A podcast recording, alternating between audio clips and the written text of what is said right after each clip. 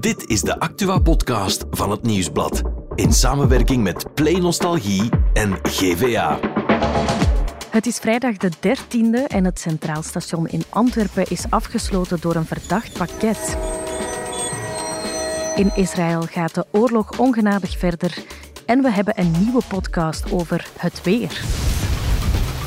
Maar in deze Insider hebben we het over de gemeenteraadsverkiezingen, want over precies één jaar is het zover. Mijn naam is Celine Bruindongs en dit is de Insider. Over precies één jaar zijn het lokale verkiezingen of gemeenteraadsverkiezingen en Nieuwsblad heeft een peiling gedaan in de 13 centrumsteden. Onze insider van vandaag is politiek journalist Pieter Lesaffer. Dag Pieter. Dag Celine. Vandaag komen we dus met de resultaten van een peiling in 13 centrumsteden. Leg eens uit wat jullie precies hebben gedaan. We hebben in de 13 centrumsteden telkens uh, door het studiebureau Indivil mm -hmm. een uh, peiling laten uitvoeren bij zo'n duizend inwoners per stad. Ja. Wat toch eigenlijk een uh, ongeziene schaal is qua, qua mm -hmm. peiling. En hebben we daar gevraagd hoe tevreden ze zijn over het beleid, welke thema's hen bezighouden en vooral ook op wie ze zouden stemmen volgend jaar bij de verkiezingen, zowel qua partij als op de kandidaat-burgemeesters. Oké, okay, interessant. Ja, we gaan vandaag eens inzoomen ook op een paar grote steden, Gent en Antwerpen bijvoorbeeld. Wie is daar de grote winnaar? In Antwerpen is, uh, zit een burgemeester, mm -hmm. Bart de Wever, de absolute onaantastbare, ongenaakbare ja. kandidaat-burgemeester, ook om zichzelf op te volgen. Uh -huh. uh, hij haalt echt een meerderheid. Dus één op de drie Antwerpenaren zegt vandaag al dat ze opnieuw op hem zouden stemmen okay. volgend jaar. Ook zijn partij toren boven alle andere partijen uit. Ja. En je ziet eigenlijk dat bij de andere partijen enkel Ginny Beels, de vooruitschepen mm -hmm. in Antwerpen, daar een klein beetje bovenuit steekt. Ja. Toch in haar persoonlijke score, want haar partij krijgt ze daar niet echt in mee. Okay. Uh, dus vooruit scoort haar als partij niet zo goed. Net zoals ook uh, CD&V, Open VLD, mm -hmm. uh, daar eigenlijk zeer slecht scoren. Ja, en in Gent, wat is daaruit gekomen? In Gent is ook daar de zittende burgemeester, Matthias de Klerk, -huh. de populairste kandidaat-burgemeester. Maar daar valt wel op dat uh, de partij voor Gent is dus ja. een samensmelting van Open VLD en Vooruit, Mhm. uh -huh. die samen naar de kiezer trekken. Dat die uh, zijn wel de grootste in Gent, maar de kloof met Groen als tweede partij ja. is toch niet zo geweldig okay. groot. Uh -huh. ja. Dus dat wordt toch nog wel een, wel een spannende kiesstrijd. Um, en enfin, het is nog een jaar, er valt nog veel uh, te gebeuren, maar um, allee, dat wordt toch een, een, serieuze uitdaging voor dat nieuwe ja. paarse blok in Gent. We hebben nu de steden Antwerpen en Gent al gehad. Wat valt er nu op in de andere centrumsteden? Elke stad heeft zijn eigen verhaal, uh -huh. uh, maar er zitten toch wel wat, uh, wat verrassingen in, vind ik. Bijvoorbeeld in Oostende zien ja. we dat uh, Bart Tomlijn, waarvan we toch allemaal dachten dat hij toch breed gedragen was ja, in, in Oostende... door de Oostendenaren absoluut zeer negatief wordt, okay. wordt bekeken. Hij scoort zeer slecht, uh, persoonlijk ja. en ook met zijn partij. Mm -hmm. En je ziet zelfs, wat uh, eigenlijk een beetje tot ieders verrassing denk ik, John Crombé, de ex-voorzitter van SPA, -huh. daar vanuit de oppositie enorm sterk scoort. Okay. Mm -hmm. Uh, in andere steden, uh, ik zie bijvoorbeeld in Genk uh, Zoal Demir enorm scoren, die ja. daar echt wel in pole position zit als volgende burgemeester van Genk. Ja. We zien in Kortrijk bijvoorbeeld Vincent van Quickenborne, die ook zeer, zeer slecht scoort. Mm -hmm. ja. um, dus ja, het is, de uitdagingen zijn wel groot en ik denk dat ze allemaal nog wel een huiswerk gaan hebben voor, voor ja. het komende jaar. Jullie hebben ook eens gepolst wie dat de mensen zeker niet als burgemeester willen, hè? Inderdaad, we waren ook wel eens benieuwd wie dan eigenlijk het meeste anti-gevoelens ook opwekt. En daar zien we toch wel, wel wat verrassende resultaten. Mhm. Mm -hmm. enfin, om te beginnen, niet verrassend is dat de Vlaamse Belangkopstukken heel sterke ja. anti-stemmen opleveren. Ja, dat is natuurlijk mm -hmm. een partij die zeer gepolariseerd is. Ja. Daarnaast zien we toch bijvoorbeeld in Mechelen iemand als Christophe Calvo, die heel veel, okay. uh, waarvan veel mensen zeggen, ja, nee, die willen we absoluut niet. Ook in andere steden, Philippe Watteo, de groenschepen in mm -hmm. Gent ja, bijvoorbeeld ook. Dus dat zijn wel mensen die uh, ja, blijkbaar nogal uh, you love him or you Mhm. mm -hmm. hate him.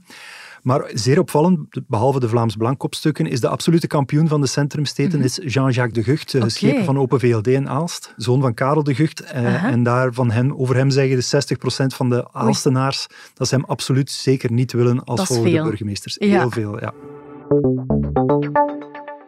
Nu, nationaal hebben we gezien dat Vlaams Belang toch wel op nummer 1 staat.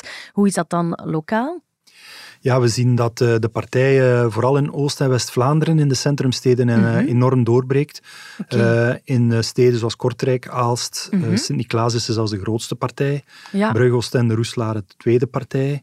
Ook in Turnhout, in provincie mhm. Antwerpen, dan zien we daar een enorme doorbraak. Ja, en hoe komt dat dan dat dat in die steden zo groot wordt? Ja, vermoedelijk is dat een effect dat die steden eigenlijk nu mhm. meemaken wat Antwerpen 30 jaar geleden heeft meegemaakt. Namelijk dat je de eerste tekenen van multiculturele samenleving, van andere culturen in het straatbeeld ziet, dat dat mhm. tastbaar wordt en dat mensen daar uh, op reageren en daar uh, vanuit een soort uh, angstreactie of vanuit een antireactie ehm, naar het Vlaams Belang gaan als partij. Uh, want je ziet dat, dat bijvoorbeeld dat effect in Antwerpen is vandaag helemaal voorbij. Die partij ja. uh, in Antwerpen zelf uh, zit over haar top en dat blijkt ook uit deze peiling. Ja, nu je hebt het over toen in Antwerpen, toen is ook het cordon sanitair ontstaan. Kan je dat mhm. nog eens uitleggen?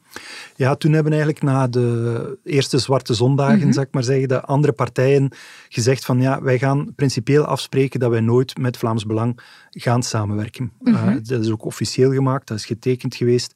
En vanuit de principiële democratische houding, mm men mhm. zegt ja, die partij staat te ver af van onze waarden en ja. uh, wij willen dat, uh, we, spreken dat zo onder elkaar af. Ja, jullie hebben nu ook gepeild naar dat cordon sanitair. Ja. Uh, ja, wat vinden de mensen daarvan? Ja, je merkt wel natuurlijk, we zijn intussen uh, zoveel jaren later, dat mensen mm -hmm. ja, daar veel pragmatischer naar kijken. Dat ja. die, die principiële houding van toen, dat daar nog weinig, of relatief weinig draagvlak mm -hmm. voor is. Uh, we hebben in elke stad gevraagd wat de inwoners daarvan denken. En ja. de meningen zijn toch opvallend verdeeld. Um, bijvoorbeeld in Gent en Leuven, die toch eerder progressieve steden zijn, is zelfs 43% van de inwoners die zegt nee, wij willen uh, van dat cordon af. Dat is in toch veel? Dus, ja. ja. dus opvallend veel. En in andere steden stijgt dat tot uh, 55%. Amai. Dus dat is echt uh, zeer 50-50. Mm -hmm. Jullie hebben ook de burgemeesters daarover gevraagd, dacht ik. Hè? We hebben nog, nog een aparte bevraging gedaan van alle Vlaamse -hmm. burgemeesters, ook onder andere over het cordon sanitair. En daarvan zegt 1 op 5 toch van ja, uh, onder bepaalde voorwaarden, als die partij wint, ja. als die programma's te doen zijn, zou ik maar ja. zeggen, of dat we inhoudelijk overeenstemming vinden, dan uh, zijn we wel bereid om daarover te spreken. En dus met andere woorden, die principiële houding uh, van a priori gaan we dat niet doen, mm -hmm. dat ze mhm. daarvan af willen.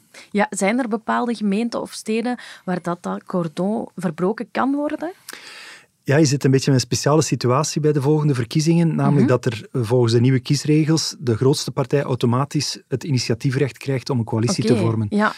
Dus dat was tot nu toe niet zo. Uh, en bijvoorbeeld, ja, we gaan moeten zien als effectief die peiling, mm -hmm. hè, zoals in uh, Turnhout en Sint-Niklaas en Kortrijk en dergelijke, als effectief de grootste partij wordt, gaan die aan zet komen. Dus dat is dan nog een beetje afwachten uh -huh. hoe de andere partijen daarop zullen reageren. En daarnaast denk ik dat vooral de ogen gericht zullen zijn op de Denderstreek, mm -hmm. waar die partij bij de vorige verkiezingen lokaal ja. al enorm sterk scoorde. Um, zitten we in de eerste plaats in Ninove. Ja. Guy Dazeleer, uh, Vlaams Blankopstuk, die bijna de absolute meerderheid haalde mm -hmm. vorige keer en dan nu uh, hoogstwaarschijnlijk zal halen. Ja, ja, en die eigenlijk gewoon kan besturen met, die, met zijn eigen partij zonder, zonder dat dat cordon doorbroken moet worden mm -hmm. zelfs. We zitten ook met Enderlee, waar die partij de grootste was vorige keer. Uh, dus daar uh, wordt dat wel, uh, wel uitkijken. Ja. ja, het wordt dus spannend. Ja, het wordt zeker spannend. En hey, het is al vaak gezegd, het cordon zal mhm. sneuvelen. Er is ook een grote discussie nu over de Vlaamse verkiezingen. Gaat bij de Vlaamse regeringsvorming -hmm. het cordon sanitair sneuvelen, ja of nee? Maar ik denk dat het bij deze lokale verkiezingen in oktober 2024 voor de eerste keer echt op het spel staat. Ja. En dat we echt gaan zien van, ja, gaat dat lokaal her en der doorbroken worden? Vlaams mhm. Belang zelf zet daar ook heel erg op in. Voorzitter van Grieken uh, beweert dat hij ook al gesprekken voert hier en daar met uh, andere partijen op lokaal niveau. Ik ben zeer afwachten. benieuwd. Ja, ja, ja, ja, ik ook. Ja. Wat dat ook wel opvallend is, uit de peiling bleek ook dat een kwart van de mensen niet goed weet op wie ze nu gaan stemmen. Wat is daar aan de hand? Ja, we zien in de, in de centrumsteden dat tussen de 20 en de 30 procent van de mensen zegt ja, ik weet het nog niet op wie ik zal stemmen. Mm -hmm. Wat op zich misschien een jaar voor de verkiezingen niet helemaal uh, abnormaal nee. is, maar voor deze verkiezingen is het toch wel uh, zeer relevant, uh -huh. omdat voor de eerste keer de opkomstplicht is afgeschaft. Ja. Dus mensen zijn voor de eerste keer niet meer verplicht om te gaan mm -hmm. stemmen. Dus de vraag is, die onbesliste kiezers, uh, gaan die toch ja. nog naar een of andere kant uh, hellen of gaan die, uh, gaan die gewoon thuis blijven? Ja, nu het niet meer verplicht is om te stemmen, wat is, gaat de impact daarvan zijn, denk je? Ja, het is heel erg afwachten, omdat we natuurlijk, het is de allereerste keer dat we dat in ons land op die manier doen. Ook maar enkel voor de gemeenteraadsverkiezing, voor de duidelijkheid. Mm -hmm. Dus voor de andere verkiezingen ja. is het nog steeds verplicht.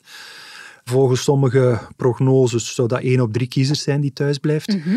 Eh, volgens andere prognoses zou dat ook in het nadeel spelen van Vlaams Belang. Dat Vlaams Belang-kiezers, ja. misschien eerder de anti-stemmers, de proteststemmers, gaan thuisblijven. Mm Je zit ja, bovendien zit je ook nog eens met dat effect van de nationale verkiezingen die vier maanden voordien in juni zullen plaatsvinden. Ja. hoe gaat dat een effect spelen? Gaat die verkiezingsuitslag misschien ook afstralen op bepaalde partijen mhm. in, in gemeenten, waardoor mensen al dan niet gaan thuisblijven. Dus het, is, het wordt een zeer eh, boeiende dynamiek, omdat je met zoveel nieuwigheden uh, samen zit eigenlijk. Ja, de partijen gaan ook hun best moeten doen dan om de kiezers te overtuigen om te gaan stemmen. Ja, het wordt een heel andere type campagne. Je moet mhm. inderdaad niet alleen uh, oproepen om voor uw, uw, partij te stemmen, maar ook oproepen om überhaupt naar het stemhokje te komen. Ja, voor de politici is het ook wel spannend afwachten wat dat, dat nu gaat betekenen. Hè? Ja, want die beginnen nu, en dat voel je langs alle kanten, uh, beginnen die echt nerveus te worden en zich klaar te maken voor die, uh, voor die verkiezingen. Je voelt het ook in de reacties op onze mhm. peiling, nog voor die in, de eerste letter daarvan in de krant is verschenen, dat daar enorme nervositeit en, uh, en veel vragen rond zijn vanuit, vanuit de politiek. En zeker ook omdat veel van die politici ook eerst nationaal mhm. nog opkomen. En dan daarna nog eens naar die lokale verkiezingen moeten trekken. Dus het wordt uh, ja, heel spannend allemaal en heel, uh, heel hectisch, uh, vermoed ik. Ja, jullie gaan het allemaal opvolgen. Het wordt voor jullie dus ook nog een pittig werkjaar. Absoluut, ja. Bedankt, Pieter, om dat allemaal voor ons uit te komen leggen. En er is uiteraard ook nog ander nieuws en daarvoor is onze producer Joni erbij komen zitten. Dag Joni. Dag Celine. Vanochtend eh, was het alle hens aan dek in het Centraal Station in Antwerpen, want daar waren twee verdachte koffers aangetroffen. Ja, klopt. De politie had de ingangen van het station afgesloten, riep ook iedereen op om niet in de buurt van het station zich te begeven. Ook treinen reden niet tot daar. Trams en metro's werden omgeleid om niet in de buurt van het station te moeten komen.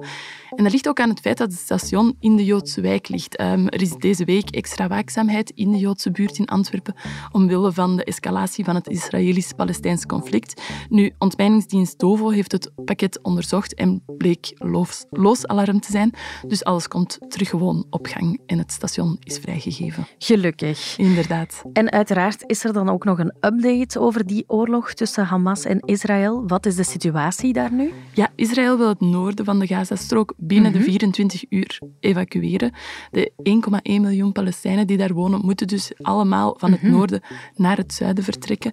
En dat betekent eigenlijk waarschijnlijk dat Israël wil gaan starten met het grondoffensief. Nu, dat is een gigantische operatie. Ja, inderdaad. En dat is eigenlijk ook de belangrijkste reactie die ze krijgen. Het is bijna onmogelijk om op 24 uur tijd zo'n gigantisch grote evacuatie succesvol uit te voeren. Dus ja, het is eigenlijk bijna zeker dat dit tot problemen zal leiden. Dus ja, valt nog af te wachten hoe dat dit evolueert. En dan hebben we als laatste geen regionieuws deze keer, maar een super toffe nieuwe podcast. Ja, we hebben een nieuwe podcast. Je hebt hem mhm. misschien al zien staan in ons kanaal van de Insider. Meer weer met de bekendste weerman van het land. Frank de Bozere. Ja, inderdaad, Frank de Bozere, the one and only. Hij komt elke week vertellen hoe het weer er dat weekend gaat uitzien. Ai, en het klinkt alsof het weekend dan wat minder wordt. Wel, eh, het is vooral in de nacht van vrijdag op zaterdag. Hè, zijn er toch wel felle buien die van west naar oost over ons land trekken. En dan, dan krijgen we zaterdag droog weer met vanuit het westen een aantal brede opklaringen. Maar het is een andere luchtsoort, Nathalie. En dus dat gaan we mhm. merken. Hè. We komen zaterdag niet veel hoger dan 13 graden. De eerste aflevering mhm. staat al sinds gisteren online en daarin legt hij uit wat we mogen verwachten. Ja, interessant. Ik heb ook al eens even geluisterd en het is wel meer dan zo de traditionele weerapp. Ja, zo'n weerapp, dat is altijd handig om heel snel te zien wat voor weer het wordt. Maar ja, het leidt toch ook wel tot frustratie. Want zo mhm. een wolkje met een zon, wat, moet ik me daarbij voorstellen? Frank gaat dan alles uitleggen in detail. Hoe gaat dat weer echt aanvoelen? En het is ook zijn missie om ons te leren begrijpen wat er allemaal boven ons hoofd mhm. gebeurt. En dat krijgen we vanaf nu dan elke week te horen? Ja, elke donderdag nemen we op met Frank en donderdagavond staat hij dan in de feed van de Insider. Kort en bondig, vijf à tien minuutjes, maar dan weten we ineens wat het weekend ons brengt. Super, ik kijk er naar uit. Bedankt, Joni. Graag gedaan. En maandag zijn we er weer met een nieuwe Insider.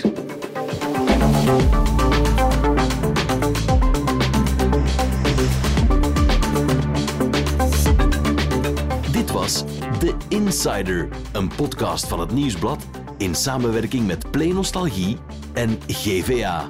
De muziek is van Pieter Santens. De montage gebeurde door House of Media. Wil je reageren? Mail naar podcast.nieuwsblad.be.